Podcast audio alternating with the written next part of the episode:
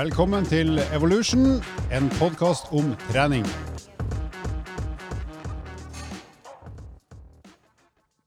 Ja, godt å være tilbake igjen i podkaststudio, og i denne episoden her så har vi eh, hatt flaks, vært heldig. Eh, eh, for vi skal møte en eh, dyktig fyr som heter Daniel Tømmerbakke. Han er personlig trener, men har også en mastergrad i idrettsfysiologi. Så denne mannen han kan mye om mangt. Og han skal da primært snakke om eh, kombinasjonen av utholdenhetstrening og styrketrening. Hvem passer det for, eh, hvordan kan du legge det opp, osv. osv. Og og de som har møtt han, det er unge Skjetne. Hei, Skjetne. Hallais, hallais. Og så er det litt eldre, men mye penere Lars. Tusen takk. Og her er jeg. Der er du. øh, Og jeg kommer ikke til å bli hørt i denne episoden her utover det jeg sier nå, rett og slett for at jeg fikk ikke lov å være med. Jeg er ikke flink nok. Og med disse triste ord så setter vi over til øh, Daniel og Gutta Boys.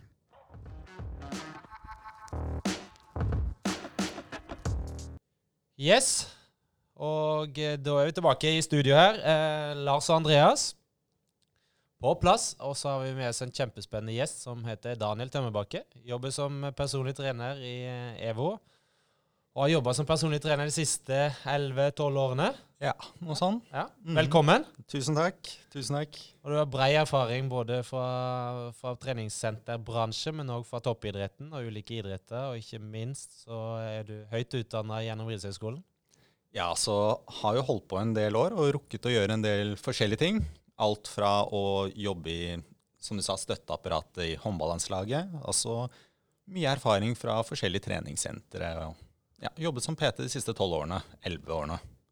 Ja, vanskelig å holde i styr. Ja, det, Tida går fort når man har det gøy. Det gjør det. Og eh, det vi skal snakke om i dag, er noe du har både lest mye om og erfart mye på. Eh, og ikke minst kanskje òg eh, kall det forska litt på, i forhold til å praktisere på dine egne kunder og på utøvere. Mm. Og det er eh, pga. at vi får mye spørsmål fra våre lyttere, og det er kjempebra. Eh, og det folk er litt nysgjerrige på, er kombinasjonen styrke og kondisjon. Eh, og hvordan gjøre det mest optimalt for å få best mulig fremgang. Og om det lar seg gjøre å kombinere, eller om man bør splitte det eller dele det, eller ikke fokusere mer på, på den ene delen eller den andre delen. Eh, så hvis du har lyst til å si noen ord sånn innledningsvis på hva er et uttrykk som vi leser mye om, som er concurrent training, og hva er det? Så concurrent training, som ofte blir brukt i forskningslitteraturen, er egentlig det å trene mot forskjellige ting samtidig. Så i dette eksempelet så er det hvordan kan vi kombinere styrke- og kondisjonstrening egentlig best mulig. Eh, og da er det viktig å skille mellom hva som er optimalt for å få best mulig resultater, og hva som er reelt for oss i vår egen treningshverdag. Eh, for vi vet jo at eh, dette her er noe vi blir anbefalt av staten allerede. Vi har blitt anbefalt å holde på med kondisjonstrening, styrke hjertet, i hvert fall 150 minutter minst i uken med moderat intensitet, og over 75 minutter med høy intensitet. En av de to hver uke. Men så ble vi også anbefalt eh, to ganger styrketrening for de store muskelgruppene. Så vi vet at dette har veldig mange gode helseeffekter. Eh, med kondisjonstrening så styrker vi hjertet, vi får flere små blodårer, og vi, vi reduserer blodtrykk. Vi, vi får liksom veldig mye forskjellig. Og så med styrketreningen så er det jo så klart vi får Vi blir jo sterkere. Noe som blir viktigere og viktigere etter hvert som vi blir eh, eldre. Eh, vi får større muskler, men så ser vi også at det er eh, bra for å forebygge en del livsstilssykdommer. så når vi kombinerer disse to, så, får vi, så maksimerer vi effekten. Men så er det sånn at det er mange som er bekymret for å kombinere disse to. Ja. Og det oppdager du vel litt som når du jobber som personlig trener, at de spørsmålene kommer. De kommer, og de kommer ofte. Både av de som fokuserer mer på kondisjon, som er redd for at hvis de trener styrketrening, så får de litt, blir de litt tunge Og de er redd for at vet du hva, hvis jeg trener mye styrke, så blir kroppen min tyngre, jeg blir treigere, og det vil gå utover min evne til å løpe en halvmaraton, f.eks. Er det noe i det? Altså sånn, Hvis du skal trekke fra ditt perspektiv og ditt, det, den bakgrunnen og den kunnskapen du sitter på? Det føles sånn ut akutt. Eh, for vi kan jo bli litt støle av eh, styrketrening. Og hvis man drar på en joggetur rett etterpå, så, så kjenner man at man er litt tung. Men over tid så skjer det motsatt, som oftest. Da vil styrketreningen faktisk kunne bedre eh, utholdenhetsprestasjonen og faktisk gjøre deg en mer økonomisk løper. At det koster litt mindre å, å løpe. Og Der våkner Andreas eh, når det kommer til hvordan trene styrketrening for å bli enda bedre løper. Men hva, hva må man gjøre for å dra de positive fordelene ut av styrketrening opp mot løping, f.eks.? Det viktigste er jo å gjøre noe styrke. Og så er det jo det å gjøre det på de muskelgruppene vi bruker i kondisjonsidretten. Så f.eks. bena i, i løping eller sykling. Eh, og så er det det å faktisk gjøre det over tid. For eh, la oss si at du legger inn to styrkeøkter. Én til to styrkeøkter. Så på starten så kan det kjennes litt tungt ut. Men hvis vi starter rolig, så slipper vi den der verste stølheten. Og så kan vi gradvis bygge på. Og da vil vi se at eh, etter hvert så vil den der slitsom, slitne følelsen gå litt bort. Og så vil vi få mer og mer de der positive effektene. Hvor kommer dette fra? Altså den bekymringen fra, fra trening, eh, altså styrke opp mot eh, kondisjon? Det er jo sånn, Det er jo mye tradisjon, men med tanke på at kondisjon kan eh, ødelegge litt for styrke, så så vi det allerede, så vi det allerede i første studien som kom ut på 1980-tallet. Og da var det en styrkeløfter som hadde tenkt til å begynne å forske. Og da skulle han jobbe under en anerkjent kondisjonsprofessor som har forsket lenge på dette. Så for å imponere professoren sin, så ble han med på de daglige morgenturene. Der ble jogget rundt parken i området rundt skolen. Og det han la merke til, at selv om han trente like mye styrke som eh, før, så klarte han ikke å opprettholde den styrken sin. Og han kjente at han ble faktisk litt svakere av å trene med mye kondisjon. Så det han sa til han professoren, var at dette her må vi finne ut av. Og da sa professoren finne ut av det selv. Så det han gjorde da, var at han eh, forsket på dette her. Eh, gjennomførte en studie der hvor de hadde tre grupper. Én trente kun kondisjon. Én gruppe trente kun styrke.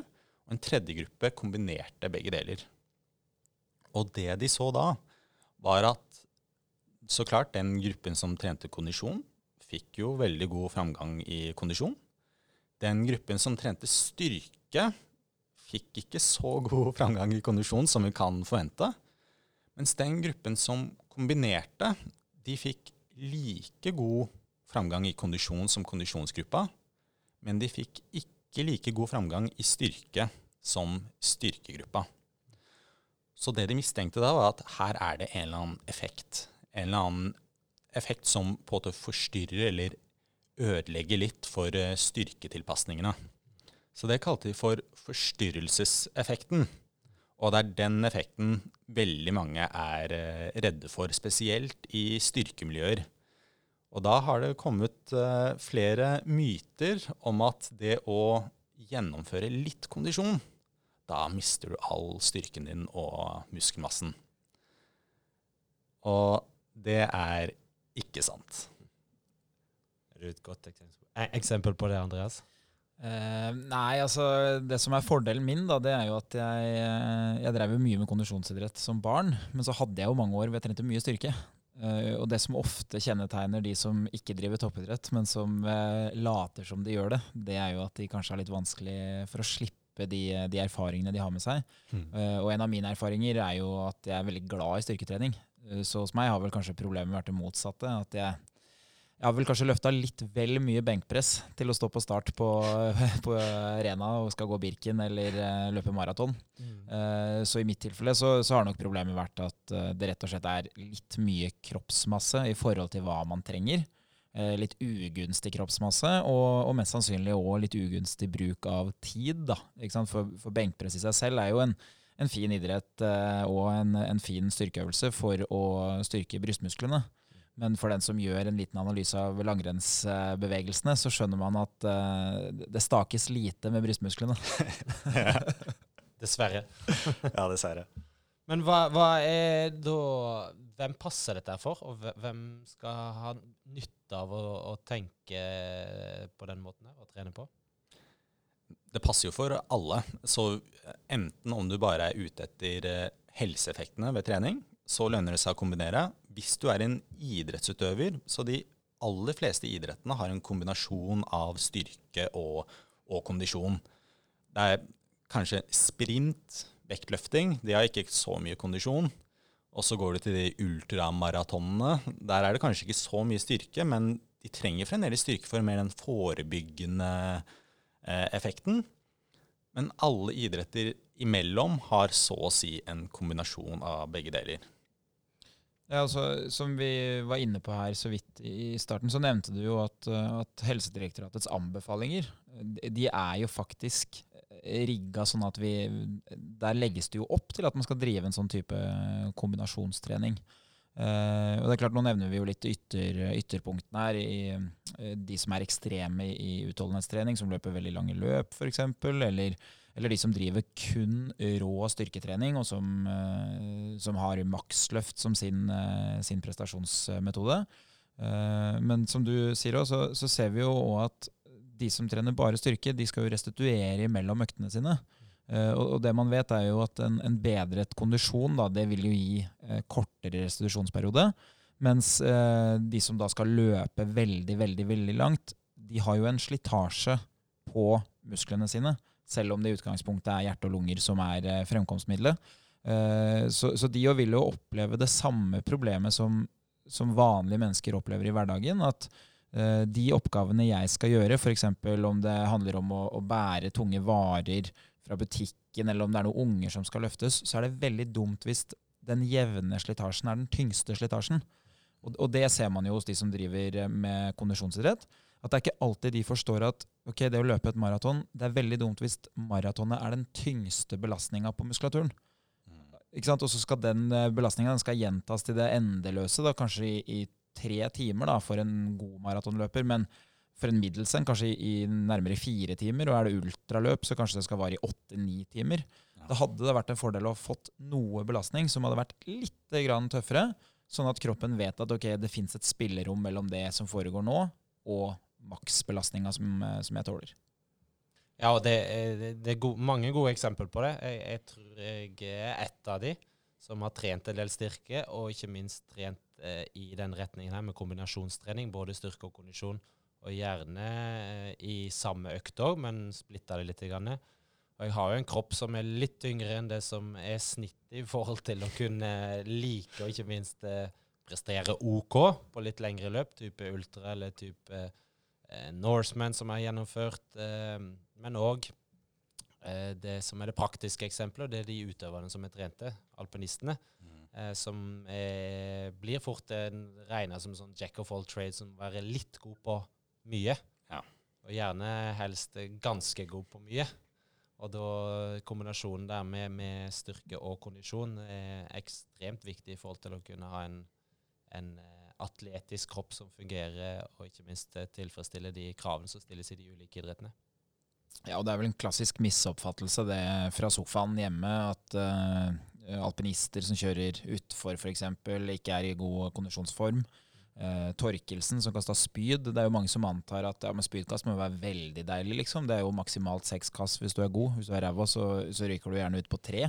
Mm. Uh, men det er klart at uh, alle utøvere som er på et nivå hvor prestasjonen er veldig god, må tåle veldig mye trening. Og, og skal du trene mye, så er det jo veldig dumt å ikke benytte seg av muligheten til å kunne lade batteriene raskt. Så, så det man egentlig ser da, når man snakker om hvem er det som bør trene på en slik måte, så, eh, det skal godt gjøres å finne noen som kanskje ikke bør gjøre det. Mm.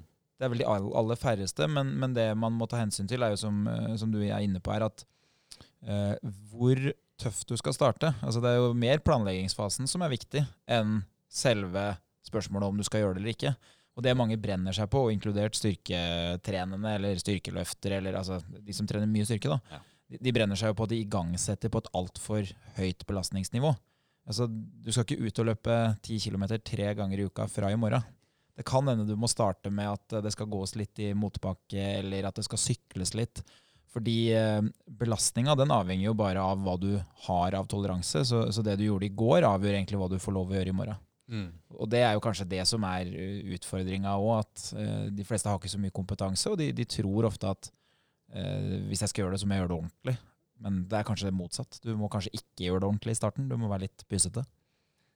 Helt klart. Og så har du vært inne på veldig mye bra her, med både det med restitusjon, for det er det man ofte ser er kanskje det største problemet, eller det som blir tatt opp ofte, er jo det med å restituere seg fra treningen. For vi vet at vi kan ikke trene mer enn det vi kan restituere oss fra. Eller vi kan, men det går dårlig til slutt. Så det å faktisk starte rolig nok, eh, og hvis du er en interessert mest i styrke, så ser vi faktisk at det å f.eks. sykle kan være mer gunstig enn det å dra på lange løp, f.eks. Og det er fordi med løping så har vi jo Det er ganske belastende. Hvert eneste steg så er det så å si et lite hopp, hvor du får veldig mye belastning gjennom lårene. Og da vet vi at eh, med løping en, Man kan ikke løpe like mye hvert år som en kan sykle. Fordi sykling er mye mildere, og det samme er svømming, f.eks. Så det vi ser ofte i litteraturen, er at hvis man løper mye, så kan man kanskje få en litt større negativ effekt. Eller man kan få en negativ effekt hvis man løper veldig mye opp mot styrke. Men hvis du sykler, så ser man ikke det samme. Eh, men da er det jo det som du sier, at man må starte rolig. For det de fleste gjør, er at vet du hva, nå skal jeg bli god til å eh, Nå skal jeg legge til kondisjonstrening òg. Hvordan gjør jeg det optimalt? Og da glemmer de kanskje at de trener en del styrke ved siden av, så da bare kaster de på ekstra trening. Kanskje tre løpeøkter. Og så tenker man ikke over at nå har de faktisk lagt til tre ekstra treningsøkter i løpet av en uke. Istedenfor bare starte, starte rolig. Start med en fem minutter. Start med en ti minutter. Bare få trent pumpa litt, og så kan man gradvis eh, øke etter hvert. Det er vel der du er. Jeg, jeg har jo begynt å følge deg på Strava, og i utgangspunktet er vel du en, en eh, som løfter på skrot og jern. Styrkeløfter, eller en som liker å trene styrke, men har blitt eh, veldig glad i løpe i det siste. Ja, så jeg Bakgrunnen min er jo egentlig fra lagidrett, og der er det liksom begge deler. Og så ble jeg tvunget inn i styrketrening pga. mye skader. Og så ble jeg liksom frelst. Så da ville jeg plutselig løfte mest mulig jern, og løfte helst tunge ting. Eh, og da kuttet jeg ut mye av den kondisjonstreningen. Men så har jeg, kanskje det er fordi et, etter jeg ble 30, da, så, så skjønner jeg at nå må jeg faktisk eh, trene for helsa også. Men så er en eh, konkurranseinstinktet, det fyrer opp med en gang. Så da er det ikke det å bare trene for helsa, Det er nå skal jeg bli god. Eh, så da er det mye løping. Og da er det jo mye av disse prinsippene her som går inn. da. Eh, hvordan kan jeg faktisk kombinere eh, løpetreningen min sammen med styrken uten at jeg blir sliten i hverdagen, og uten at eh, det går så negativt utover hverandre. Men at de kan heller eh, hva skal jeg si, supplementere, eh, forsterke hverandre, sånn at jeg får en veldig god treningshverdag. Hvordan legger du opp eh, en sånn type trening, kombinasjonstrening, for å få best mulig effekt? Hvis vi ser på styrkedelen først, da. Så da er det jo det med restitusjon. Um, så vi vet at uh, for å Eller vi kan starte med hva vi bør trene først, kanskje. Ja. Så vi bør starte med det vi prioriterer, rett og slett. Så prioriterer du styrke, så bør du starte med, med styrketrening. Um, og det er fordi hvis du tar en løpetur først, så vet vi at da, da vil du være litt sliten fra den løpeturen. Og da vil du kanskje ikke yte, kunne yte maks i, uh, i uh, styrkeøkten etterpå. Pga. at du har litt syre, du har allerede ja, brukt mye energi på den løpeturen. Så nummer én det du prioriterer, det trener du først. Eh, nummer to så er det jo optimalt sett så vil vi gjerne ha en liten pause mellom de to øktene. Så det vil si at eh, helst så vil jeg kunne trene på forskjellige dager. Sånn at jeg f.eks. trener styrke mandag, og så trener jeg kondisjon eh, tirsdag. Eh, og så kan jeg trene annenhver økt, f.eks. Hvis ikke det er mulig, kanskje man kan ha to økter på én dag. Dette her er for å trene optimalt. Eh, da man trener kanskje styrke tidlig på dagen, og så kan man ta kondisjons på kvelden. Så det er det å kunne eh, ha, restuere seg fra den ene økten til den andre. Um, og så er det jo det med treningsmengde, da. Så hvis jeg er ute etter uh, best mulig styrkeframgang, hvis jeg bestemmer meg for å løpe syv ganger i uken, så er ikke det helt optimalt. For vi vet at veldig mye løping kan redusere eh, resultatene jeg får av styrken. Hvis man legger til litt, sånn at jeg f.eks. tar to kondisjonsøkter eh, på sykkel. Kanskje i form av intervaller som ikke varer så lenge. Så får jeg fremdeles den effekten på hjertet. Eh, og får bedre kondisjon og den eh, bedret restitusjonsevnen og sånn som vi snakket om i sted. Men uten at eh, jeg får veldig mye sånn Hva skal man si Veldig langvarig trening på bena. For styrke og kondisjon er jo helt motsatt av hverandre. Så styrke så er det det varer kort. Det er maksimal mobilisering. Det er tunge vekter. Mens eh, kondisjonstrening så er det jo lettvekter. Det er veldig mange repetisjoner. Det er langvarig. Så det er helt forskjellig. Så da vi vet at vi blir gode på det vi trener på, så da vil vi minimere den treningen som eh, er helt motsatt. Um, ja, det er bare å hoppe inn hvis dere er flink, jeg. Det, hvis man skal trekke noe ut av det, da, så, så er jo det som du er veldig tydelig på, det er du må velge det du ønsker å prestere best i først. Ja. Eh, og hvis man lurer på hvorfor, og ikke helt har det klart for seg, så skyldes jo det den belastninga som treninga skaper. Mm. Eh, hvis vi virkelig skal forenkle det, da, så, så vil jeg jo si det sånn at hvis du skal løfte tyngst mulig, altså hvis styrkeløft er det du ønsker, si at du skal trene styrke, og du har i løpet av en, en treningsperiode gjort deg i hermetegn fortjent til å løfte så tunge vekter som du gjør, så, så må det òg eh, Det må gjerne være sånn at da må du være uthvilt når du skal trene. Hvis du har vært uthvilt i ti uker på rad, så er det veldig dumt å komme sliten til en treningsøkt, for da vil du ikke kunne prestere bedre enn forrige gang. Uh, og, og, Hovedgrunnen til det er jo i stor grad at hvis du trener kondisjon før du trener styrke, så, så bruker du opp lager energi.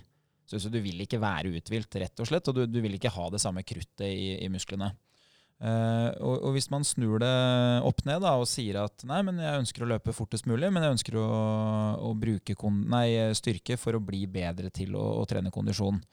Da er det jo sånn at Hvis målet ditt er å løpe bedre enn det du gjorde forrige uke, og du var uthvilt når du løp forrige uke, så vil det være veldig dumt å slite ut musklene eh, der òg, bruke litt lagra energi, men òg kanskje i hovedgrad uh, surre til litt det som kalles for arbeidsøkonomi. Da. Altså, hvis musklene mine har kjørt knebøy før de skal løpe intervaller, så vil de slite litt med å gjøre jobben like billig. For de har på en måte blitt belasta såpass mye i den uh, styrketreningsøkta at, uh, at, jeg klarer ikke å, å, få tak i nok oksygen som gjør at kanskje jeg rett og slett uh, må ned i fart på intervallene, eller at jeg må avbryte. Og det som skjer da, det er jo ikke noe mer enn at du bare avbryter økta. Men på sikt så vil du få lavere belastning. Altså Den belastninga jeg får av en økt hvor jeg løper litt saktere, eller hvor jeg må avbryte halvveis, det er en, en økt som gir mindre slitasje på det som skal bli litt bedre til neste gang.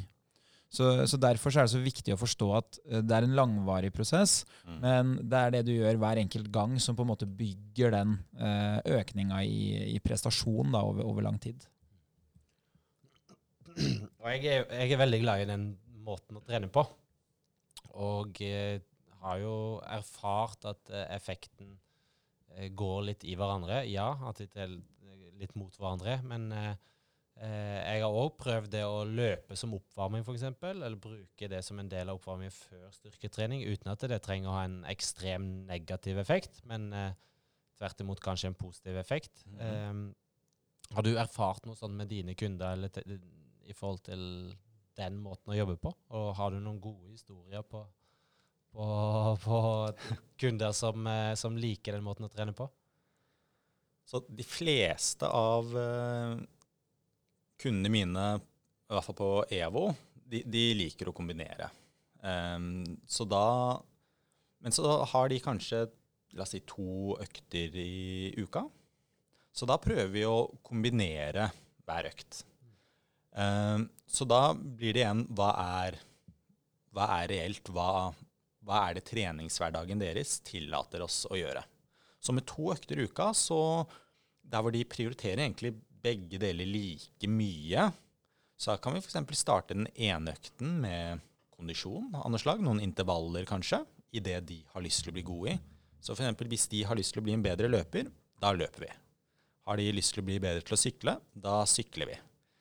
Eh, så, så de bestemmer, eller vi tar utgangspunkt i hva målet deres er. Så la oss si i den ene økten så starter vi med noen eh, intervaller av noe slag. Og så går vi over til eh, styrkedelen etterpå.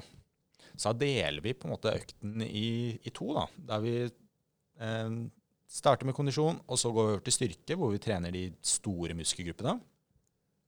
Og så neste gang så gjør vi motsatt. Da starter vi med styrketrening på de store muskelgruppene, og så kan vi avslutte med, med kondisjon. Og det fungerer veldig bra. Så se, eh, selv hvis du skal få bli best mulig i en ting, så kan man starte å bekymre seg, eller vurdere det. Så f.eks. hvis du skal konkurrere i NM i styrkeløft, kanskje du kan eh, tenke litt nøyere igjennom hvordan du legger opp kondisjonstreningen din.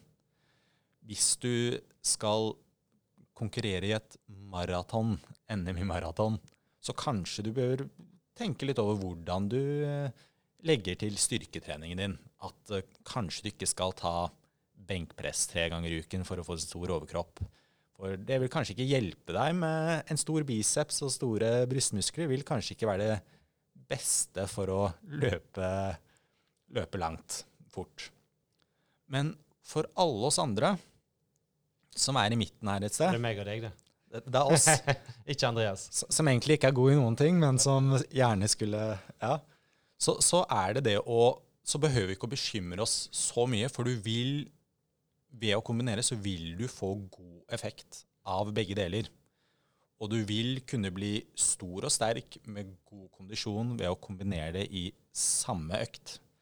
Men hvis du skal optimalisere det, eller få mest mulig ut av en egenskap, så bør man tenke seg litt nøyere om.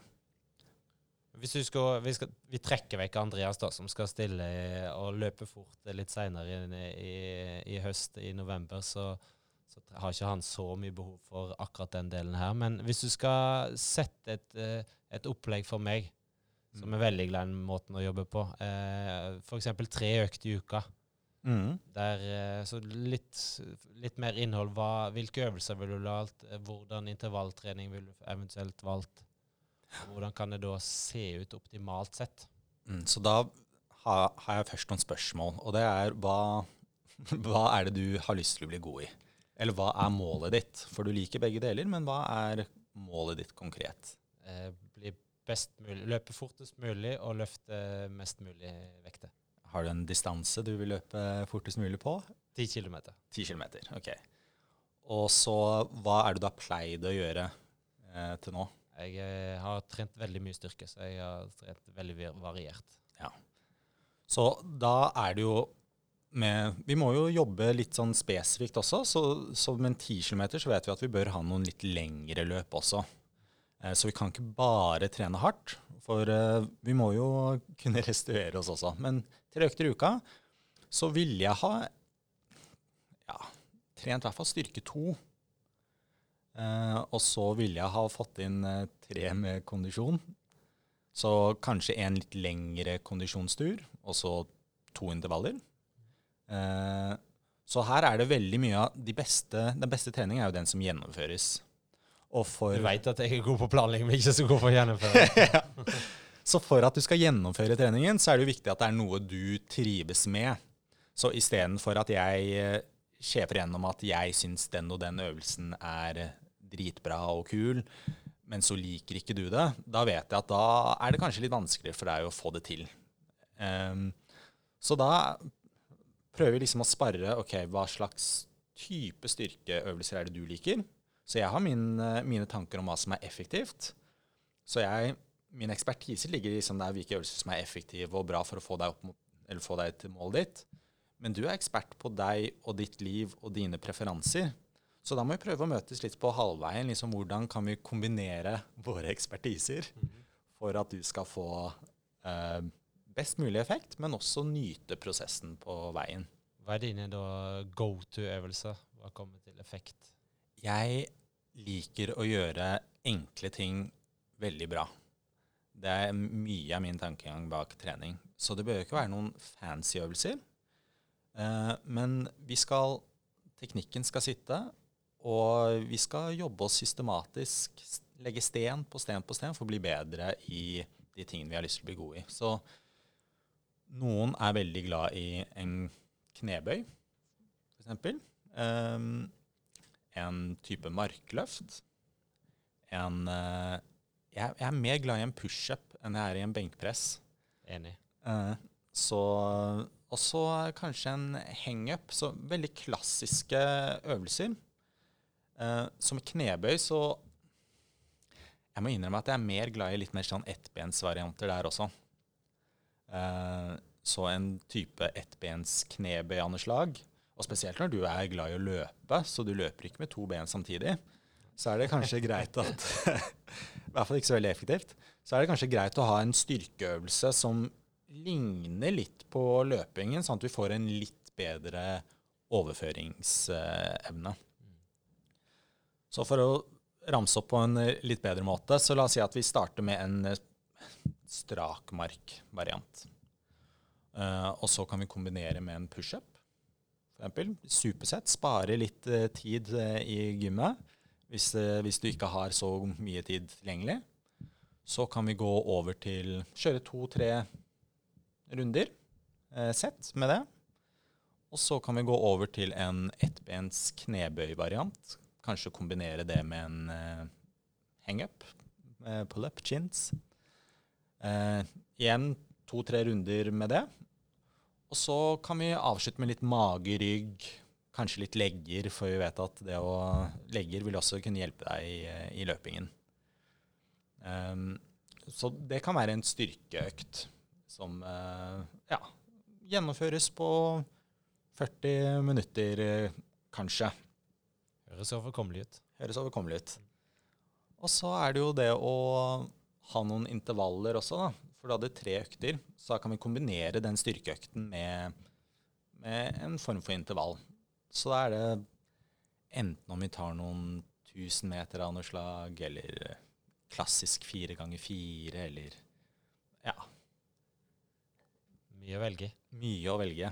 Det viktigste er vel kanskje at vi har en viss påvirkning eh, som på hjertet i forhold til å ha en såpass høy intensitet at vi er nødt til å puste litt. Mm. Eh, og gjenta det x antall ganger og ha en pause imellom, så vi vet at vi får eh, maks effekt på de ulike dragene eller intervallene. Ja. Så jeg tror vi kommer veldig langt. Eh, Det som jeg liker veldig godt her, da Nå har jo alle vi tre som sitter rundt bordet her, eh, utført veldig veldig mange PT-timer. Så, så vi har jo på en måte en tanke rundt hvem PT-kunden er, og vi, vi, alle har jo våre egne eh, kunder som man på en måte ser for seg. Men det jeg liker veldig godt, da, det er jo måten du legger fram det at uh, din ekspertise er å, å, sortere ut hva som er fornuftig å velge, men så har du en kunde som er, uh, som er ekspert på seg selv. Uh, og det er jo kanskje noe veldig mange PT-er kan ta lærdom av. At det som jeg sier til mine kunder, da, det er at det, det fins ikke noe Eh, det, det fins ikke noe riktig svar, men det fins veldig mange gode forslag til hvordan vi skal løse problemet. Mm. Eh, og det som du sier da i runde to, at det viktigste her er at vi gjennomfører. Ikke at det blir mest mulig optimalt. Eh, og det har jeg jo erfart veldig med, med de kundene jeg har, at eh, kondisjon er kanskje enklest for en kunde å få til på egen hånd, mm. men ikke hvis vi ser på hva som er optimalt. Men, men, det å gjennomføre altså Hvis jeg eh, får Lars inn som kunde da, nå, nå, blir det jo litt rart, for Lars eh, kan jo veldig godt det med trening sjøl. Men hvis Lars hadde vært eh, litt uh, utrent, han hadde da ikke eh, hatt noe særlig erfaring med, med, trening, og han kommer til meg og lurer på hva han skal trene, så, så ville jeg kanskje lagt opp til at eh, vi skal trene sammen. Fordi jeg er jo nødt til å lære bort noe av den kunnskapen jeg har. Men hvis Lars ønsker å trene mer, og kanskje bare har mulighet til å trene med meg en gang i uka, f.eks., så, så ville jeg ganske raskt tenkt at jeg, jeg, tror det er stor sannsynlighet for at du kan gjennomføre litt grann kondisjon uh, på egen hånd. Og, og, det kan du gjøre på det nivået som passer deg. fordi for de aller fleste som ikke har trent så mye, så, så vil alt gi effekt. Mm. Uh, og det er lettere for meg å si at ja, men du skal holde på på mølla i en, i en halvtime, og du skal, du skal, bli så svett at du må dusje etterpå. Uh, og så kan jeg ta meg av styrketreninga i starten. Og for de som har observert PT-timer, eller de som har PT selv, eller som er PT, så, så, kjenner man seg igjen at man veldig ofte velger styrke. Uh, og, og, grunnen til det er jo at styrke kanskje er litt mer sånn Det er litt innvikla. Det er litt mer system, det er litt mer uh, Det er litt flere uh, ting du skal ta ansvar for. Da. For du, du har jo både belastning, du har oppsettet, selve strukturen, ikke sant. Mm. Og så har du jo da alt du skal velge hvilke muskler skal brukes, hvordan skal de påvirkes. Uh, så det man ser er at Hvis PT-en tar litt ansvar for det i starten, så er det større sannsynlighet for at man lykkes med styrketreninga enn om man skal finne ut av det på egen hånd. Men så er vi tilbake på det at veldig mange som har jobba med trening i mange år, som PT f.eks., de ender opp med å synes at kondisjonstrening er veldig gøy. Og en av grunnene til det tror jeg nettopp er det at man har jobba veldig lenge med, med, strukturen, med treningsplanen, med rammene. Og så forstår man at ok, kondisjonstrening er jo ganske likt. Mm. Det bare er litt annerledes metode for innsats. For, og, og, det er nok grunnen til at det er lett å lære bort styrketrening til kunder, fordi det er veldig kort innsatsperiode. Så det er veldig lett å forstå at okay, det er av, det er på, det er lettere å motivere seg. Mens kondisjonstrening kan være ganske tøft mentalt å opprettholde intensitet. Mens for de som har jobba som trenere over lang tid, da, de er ofte godt kjent med styrketreninga. Alle vi tre som sitter her, har jo brukt mye tid på styrketrening. Så vi har blitt veldig glad i systemet. Og da kan man på sikt begynne å utfordre seg selv på den mentale delen som handler om hvor lang innsatstid man tåler. Og da er plutselig ikke styrke så vanskelig, og utholdenhetstrening er plutselig ikke helt umulig, det heller. Og da ser man jo gjerne at, eh, at man ramler over til å trene mer og mer utholdenhet. Og fordi at det er kanskje lettere tilgjengelig i mange tilfeller. da. Hvis man har brukt et helt liv på treningssenter, så er det jo litt behagelig å trene ute selv, kanskje. Ja, jeg er helt enig. og jeg, jeg tror jo og ser jo, observerer ute på sentrene at det er denne typen måten å tenke på, uten å bruke personlig trener eller, eh, eller annen kunnskap eller ekspertise, er jo blitt mer og mer populær. Mm. Å kombinere det. Både styrke og kondisjon i ei og samme økt. Og jeg henger meg veldig enig på det, Andreas, at de kundene, i hvert fall jeg har per nå, så er det mest optimalt å kombinere begge deler. Vi er jo i en tidsklemme stort sett hver eneste dag. Mm. Eh, og eh, ja, enten man vil det eller ei, så blir det på en måte den måten å, å prioritere på, at man har begge deler med. Uh, vi, skal, vi, skal, fortsette litt på den uh, gjennomgangen vi hadde med, med, hvordan du ville lagt det opp for, for Lars eller for, uh, for, for, en lytter. da. Men en ting som jeg bare vil touche innom, og det er jo at når vi snakker om uh, optimalisering Du er innom at hvis du skal stille NM uh, halvmaraton eller maraton, da, da kanskje ikke du må bruke opp tida di på å trene styrke. Mm. Kanskje du kan leve på gammel styrke òg, faktisk, akkurat i den perioden inn mot, eh, inn mot løpet.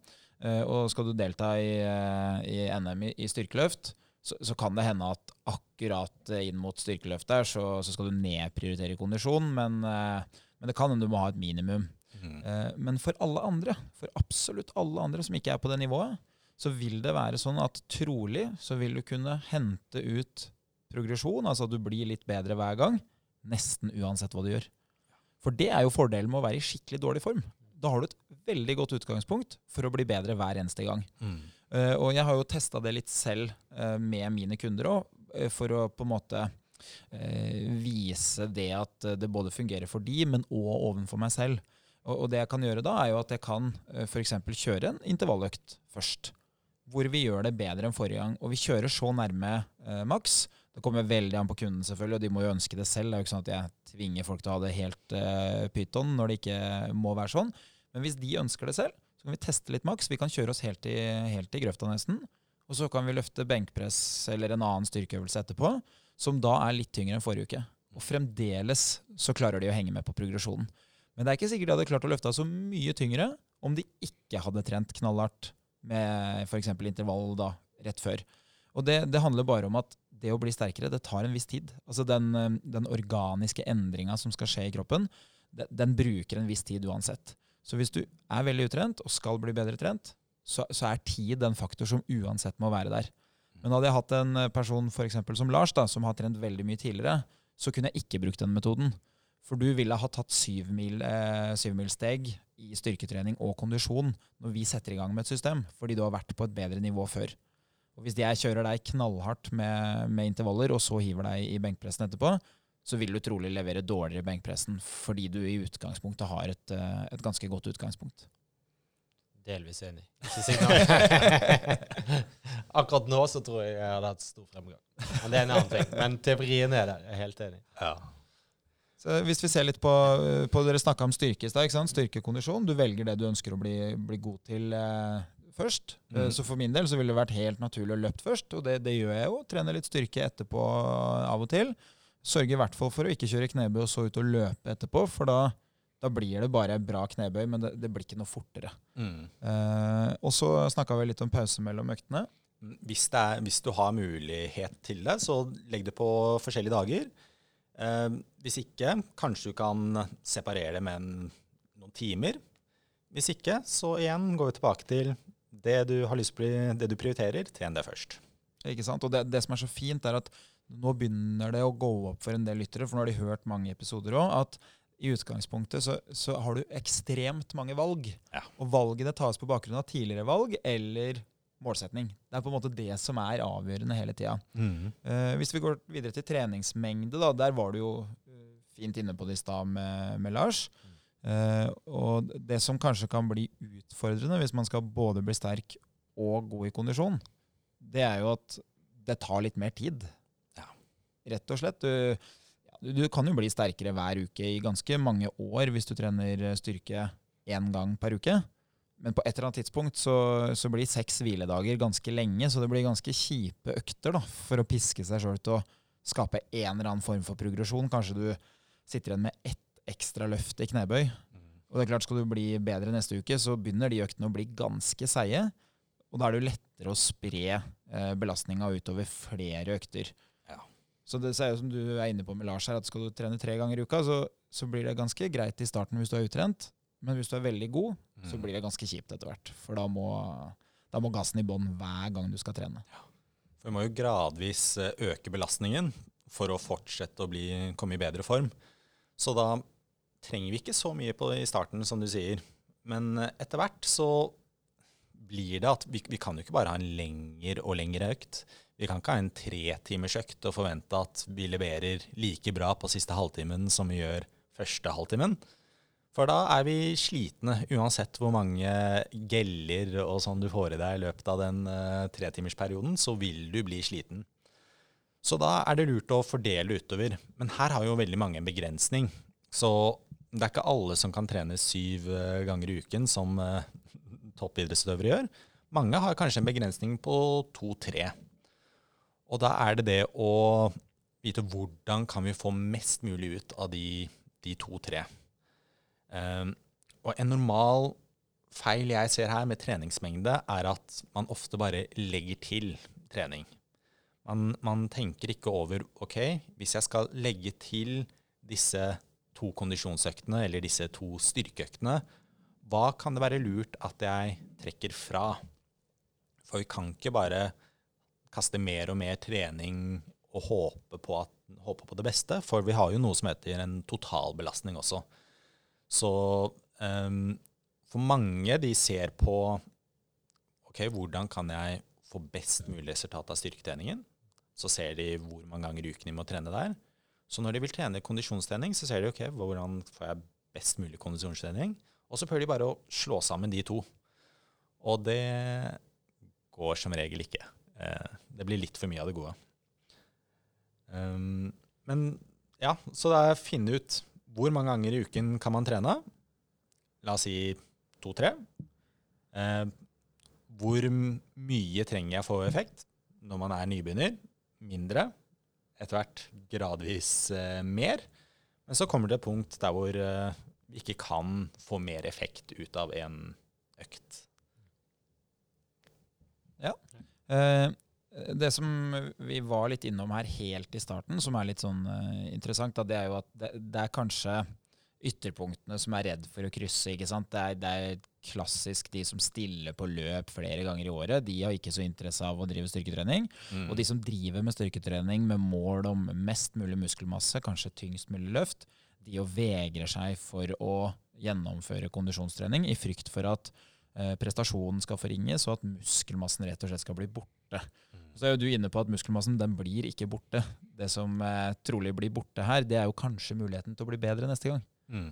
Så hvis du over lang tid opprettholder et veldig, veldig høy belastning av kondisjon, når du egentlig har mål om å bli sterkest mulig eller få mest mulig muskler, så vil du begrense muligheten din til å bli bedre ved at du belaster deg mer enn det du tåler. Uh, og, og det er jo spørsmålet og Det som er litt morsomt her, er at jeg hadde uh, praktisk utholdenhetstrening for nye personlige trenere i Trondheim forrige helg. Og et spørsmål som veldig ofte dukker opp når vi snakker om kondisjon, det er ja, men uh, vil ikke det ødelegge for, for muskelmassen min? Jeg har mål om å bli størst mulig. jo, altså Spørsmålet er hva du mener med å ødelegge. Og spørsmålet er hva du mener med hva du skal gjøre. Mm. Uh, og da pleier jo jeg ofte å stille det motsatte spørsmålet for å, for å få fram et poeng. Da, og det er du får lov å trene meg seks dager. Jeg skal bli best mulig om seks dager i styrke. Hvordan vil du legge det opp? Vil du A. Trene meg knallhardt i dag, sånn at jeg knapt klarer å gå i morgen? Eller vil du gi meg en litt myk start i dag, og så heller prøve å få rekt kanskje én eller to økter til på de seks dagene? Og de aller fleste PT-ene de er helt enig om at de ville ha gitt meg en lav belastning i starten, og så prøvd å fått inn litt volum på de seks dagene. Og da sier jo jeg selvfølgelig ganske retorisk at men når du skal starte med utholdenhetstreninga, hvordan ville du ha gjort det da? Ville du én ha dratt ut på en løpetur til det blir ganske kjipt og slutta? Eller ville du tenkt hm, jeg går eh, sju-åtte minutter i motbakke? Fordi treningsmengden jeg har levert de siste seks månedene, tilsvarer jo bare at jeg trenger å gå i 6-7 minutter i motbakke for å få litt treningseffekt. Og da ler de jo av seg selv, fordi der ville de gjort det motsatte. Der ville de sendt seg sjøl rett i veggen. Mm. Og så ville de kanskje ha forringa de styrkeøktene som de vanligvis driver med, og levert dårligere der. Så, så det handler jo om, om, det at du må vite hvor du er, hva du har gjort, og hva som skjer ved å velge den type trening som du gjør. Så, så når vi er inne på styrkeløftere, da, hva, hva må du gjøre for at det ikke skal ødelegge for deg? Du må starte rolig nok. Så må du ha kontroll på progresjonen. Du må vite hva du skal gjøre som blir tyngre. Yes. Eh, og så må du òg, som du er veldig fint inne på, da, du må vite hva som gir belastning. Og løping er en veldig, veldig fin idrett for å bruke mye energi. Mm. Det, det, at løping bruker mye energi, da, og mange kalorier, hvis man bruker kalori som et mål for energi, det skyldes jo at du må bære kroppsvekta. Det, det er både tøft å opprettholde intensitet, men tøft muskulært å bære kroppsvekta. Så for eksempel, da, som du sier, styrketrening da, kombinert med sykling eller svømming er ofte litt lettere for kroppen. For da bruker du jo hjertemuskelen og lungene i større grad enn en lår- og leggmuskulatur, da, mm. som denges ganske mye når du løper. Og det skal også sies at uh, nå kommer nerden i meg frem med, med forskningen. Men uh, det med at uh, kondisjonstrening ødelegger for muskelmasse Hvis du sykler, så ser man f.eks. En, som, eh, en forsker fra Karolinska institutt. Han eh, oppsummerte 22 studier på dette her.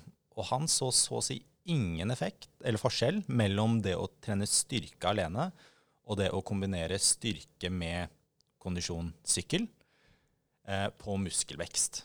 Så klart, hvis du skal bli veldig eksplosiv, så kanskje da vil kondisjonstrening ødelegge. Men ren muskelvekst, så så han så det er ingen forskjell mellom gruppene.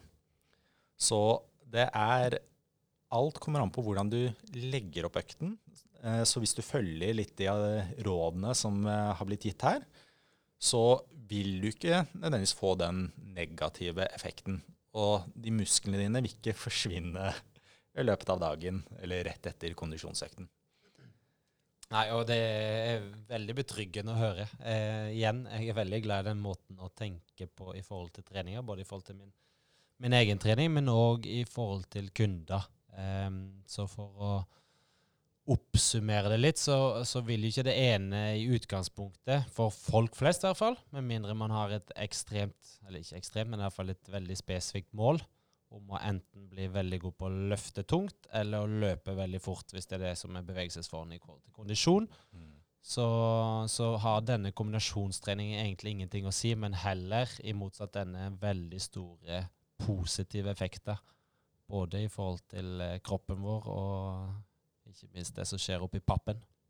Og så er det jo sånn at uh, En del av de studiene ikke sant, som man refererer til, og det er jo en morsom ting, da, det er at de tar bare hensyn til det tidsaspektet hvor studien er levert. Ja. Altså det, det, starter med eh, en gruppe mennesker som i utgangspunktet ikke er forberedt på hva de skal utsettes for, og så avslutter studien idet de har gjennomført oppgaven. Men spørsmålet er hva, hva er det som skjer da etterpå? Uh, og det man kanskje vet, da, men uh, man kan jo ikke si det helt konkret, men de som har trent kondisjon i perioden, men som har oppnådd like mye muskelmasse, de er nok bedre rusta for å tåle en økning i belastning og i frekvens, altså antallet treningsøkter. For de har jo allerede lagt et bedre fundament for å tåle mer trening gjennom at de restituerer bedre mellom øktene sine. Mm. Så, så, sånn sett så, så, ser man jo at kanskje det å, å, innføre en type veldig lett belastning, som da enkel eh, kondisjonstrening kan være, vil trolig være veldig fint for de som driver med styrke. Uh, og så er det jo sånn at uh, både i kondisjon og i, i, styrketrening så vil man kanskje i en liten periode inn mot en prestasjon velge å slippe opp litt. Og det ser man jo gjerne for skiløpere eller løpere. og sånn, det er jo at de, de, trener mye styrke i den perioden hvor prestasjonene ikke skal måles hele tida. Mens akkurat kanskje i den uh, en og en halve måneden før og under et mesterskap, det er ikke da de kjører masse styrke. For da kan de få lov å leve litt på den eh, styrken de har bygd tidligere. Og, og sånn sett så, så, vil nok de fleste ha mye å hente på at de kan forbedre seg gjennom å planlegge litt bedre. Mm. Og, og, være litt nøye på hva de velger. Da. At de rett og slett stiller seg spørsmålet hvorfor skal jeg gjøre det, hvorfor skal jeg ikke gjøre det. Ja. Et, en, en, ting jeg har lurer litt på før vi begynner å wrappe opp litt, og det kan man trekke dette i retningen crossfit, altså treningsformen crossfit, eller bevegelsesformen crossfit? Så, så, crossfit går rett inn under dette her. Men da er det jo enda flere elementer å, å tenke på. For nå, nå, nevner vi bare styrke og kondisjon. Men der, der, er det jo mange flere elementer. Og så er det hvordan kan man legge opp treningshverdagen sin for å få best mulig effekt av alle de ulike elementene. Og det er jo sånn Jo flere ting du skal bli god på samtidig, jo bedre bør planleggingen din være for at du skal få mest mulig ut av hver enkelt av delene. Uh, så, men de samme prinsippene og konseptene går igjen, eller bør gå igjen i CrossFit for å få best mulig effekt der. Og da er det, hvis du er ute etter uh, Hvis økten din er å fokusere på styrke, maksimal styrke. Kanskje du ikke skal ta en wood WOD først, eller ta og løpe langt først. Kanskje du skal starte med den styrken, så kan du kanskje legge inn de andre liksom, sirkelelementene etterpå. Samme er hvis du har en mer teknisk øvelse du skal bli god på, legg den først. Og så kan du legge til de andre tingene etterpå. Så det er det, er det samme. Hva prioriterer du? Det du prioriterer, velger du først. Og så er det hvordan kan jeg ha god restitusjon mellom de ulike øktene, sånn at ikke de vil negativt påvirke hverandre også. Så crossfit er eh, akkurat det vi på en måte snakker om, men en litt mer avansert eh, variant. Ja. Så det er mm, enda tydeligere den sirkeltreninga satt i et system. Ja. Eh, så eh, oppsummere litt. Eh, og som jeg sa, det for, for, våre lyttere så tror jeg det å ta med seg hjem er at man, man kan fortsette å trene både styrke og kondisjon, gjerne i en og samme økt. Eh, men i utgangspunktet kanskje prøve å splitte det, eh, hvis det er mulighet for det. Eh, og ikke minst det å tørre å prøve seg litt frem. Kanskje ha noen økter der styrke kommer først, og noen der eh, kondisjon kommer først. Så man får en sånn erfaringsbasert læring ut av det. Mm. Eh, og lære kroppen sin litt bedre å kjenne. Og så er det ikke minst eh, det med planlegging, som eh, jeg tror jeg eh, noen ganger er god på, men jeg er mindre god på den gjennomføringen. Så det er viktig å ha med seg. Mm. Sette noen gode, konkrete mål. Og ikke minst eh, lytte til kroppen sin i forhold til restitusjon, med tanke på at man mest sannsynlig har lyst til å trene litt mer, og at de to eh, formene, altså styrke og kondisjon, eh, krever at man er stille forberedt og ikke minst er uthvilt til de ulike øktene. Mm. Eh, og avslutningsvis, eh, hvor kan man finne litt mer informasjon om dette? Du har jo en veldig fin eh, og informativ eh, Instagram-profil. Altså, da er det bare å følge meg på Treningsviten på Instagram. Ellers er jeg å finne på EVO Oscarsgate. Så det er bare å komme innom og slå av en prat. Spørre om tips og triks. Og ja, jeg er alltid klar for å diskutere, diskutere trening og kosthold. Glad i fag. Glad i fag og prak praksis. Moro. Yes. Yes. Hva er det vi pleier å si til slutt, Andreas? Den rare lyden som Halvor pleier å si? Ja, vi har vel ikke mer å si enn sayonara.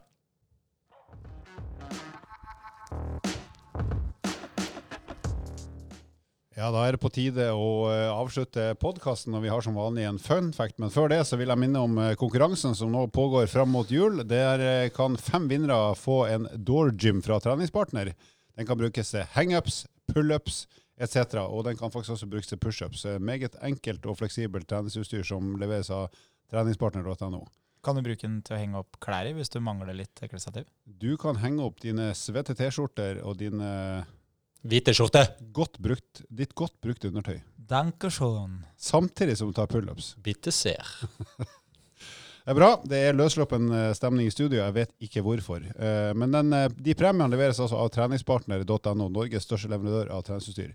Funfacten i dag handler om eh, sannsynligheten for å dø. Kult, kult, kult. Neida. I henhold til tysk forskning, og tysk forskning er på høyt nivå, som med det meste annet de gjør, iallfall etter 1945 Uh, og i henhold til den forskninga så er det større sannsynlighet for å dø på mandag sammenlignet med alle andre dager i uka. Hvorfor kan det være sånn, eh, gutter? Lars, du har jo ennå ikke dødd, men eh, hva tror du? I Tyskland folk sitter mye i bil, så jeg tipper det handler om at man har hatt helg og vært litt av. Og så skal man på vei til jobb, og så sitter man i bil, og så tror jeg mye bilulykker. Det er min teori. Andreas, din teori? Nei, det har ikke peiling. jeg tror folk rett og slett er lei av livet på mandag, for det er så lenge til fredag. Kanskje Eller freitag, som de sier i Tyskland. Eller montag. Montag er mandag. Nei, jeg tror det. Altså, folk er litt tristere til sinns. Eh, kanskje spesielt hvis mandagen er første nyttårsdag.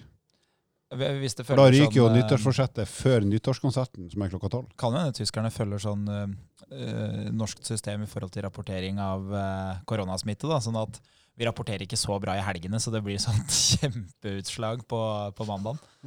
Det kan være. Det er triste saker. Så ikke, jeg, ikke stå opp på mandag, hold deg i ro. Ikke gjør noe risikabelt, sånn at du i hvert fall ikke dør på den dagen. Det er mitt eh, rare tips. Eller kanskje bare lytte til podkasten Evolution. Gjør det. Episode etter episode. Og med disse ikke spesielt bevingede ord, så kan Andreas eller Lars si Sayonara. et eller annet rart. Sayonara. Takk for oss. Send inn spørsmål til oss på EVO Fitness. Vi fins både på Instagram og Facebook.